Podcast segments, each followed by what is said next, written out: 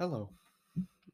Um, my name is Kyle, and I will be talking about um, the importance of communication while climbing, um, mostly set on um, rock climbing, or I will be talking around rock climbing. So, um, communication is one of the most important things while climbing. Communication in climbing, especially rock climbing, is used to communicate with the person that is controlling the belay. I didn't explain what belay was in my glossary list, but belay is a secure rope or the rope you're connected to while climbing.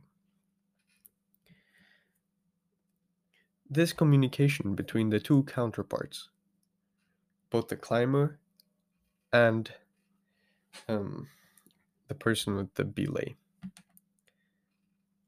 Uh, the person with the belay is like a security.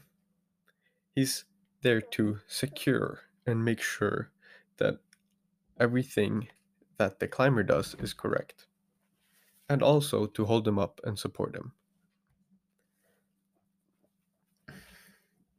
The person holding the belay can actually also be the person up in the the Rocky Mountain or the mountain. Um, but we're not going to go into that. Um, what is most important is that the person that has the belay um, communicates on a very easy way to understand. For example, saying saying like climber ready and then the climber responds with climber is ready and then they start climbing. But before all of this climbing, there is the most deciding factor in climbing. So, you have these belts on you, or seat harnesses. These seat harnesses is where you are going to have the belay connected to you so that you won't fall. Well, of course, you will fall, but not as far. And that the rope catches you. Um, before anyone starts climbing and anyone starts dealing with the belay, there's something called a buddy check. This buddy check is very important. It's very deciding in security and uh, stuff like that. Um, the reason to this is that if the seat harness is too loose, then if the climber falls and the belay catches him, it might only catch on to the seat harness. And so it is very important to use long, easy to understand vocabulary when talking and climbing. So, the communication in the beginning starts with everybody no um the belay person checking the climber or the climber checking the belay. Either way both has to get checked. And through this there's a communication with saying for example your seat harness is a bit loose or that knot you tied around your seat harness is not it doesn't sit good enough or it, it is too loose or it doesn't look right.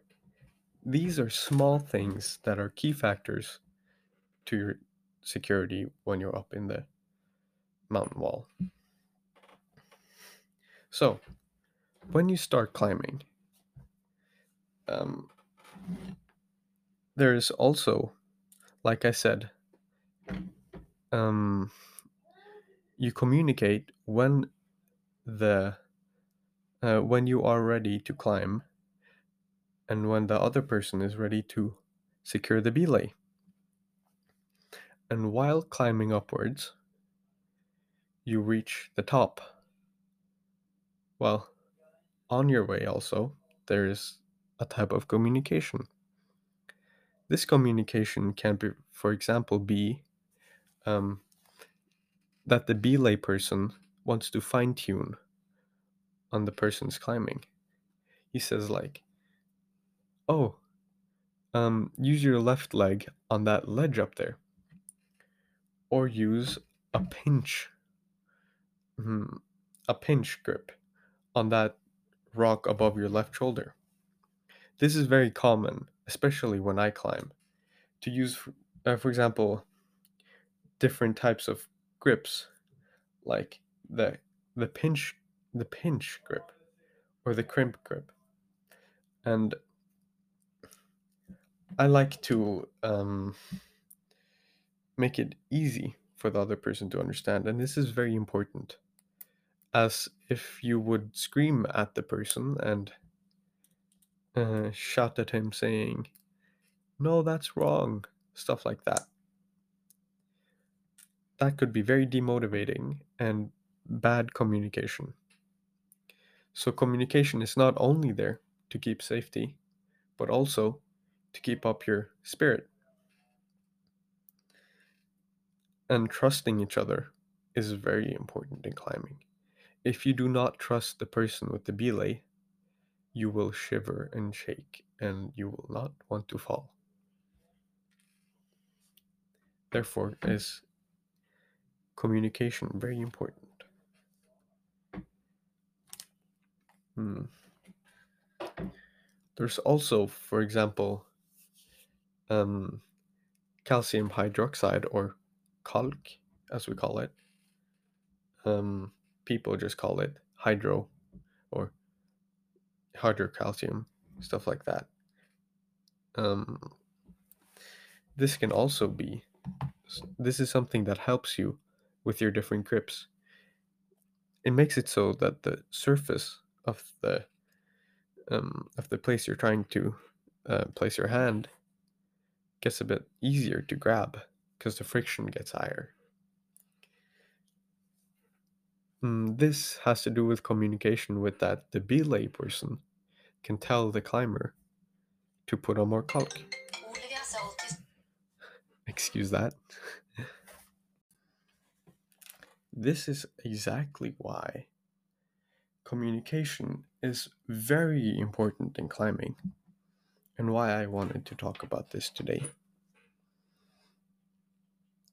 When climbing, communication is important because um, of your own security, the person that's either climbing or holding the belay security,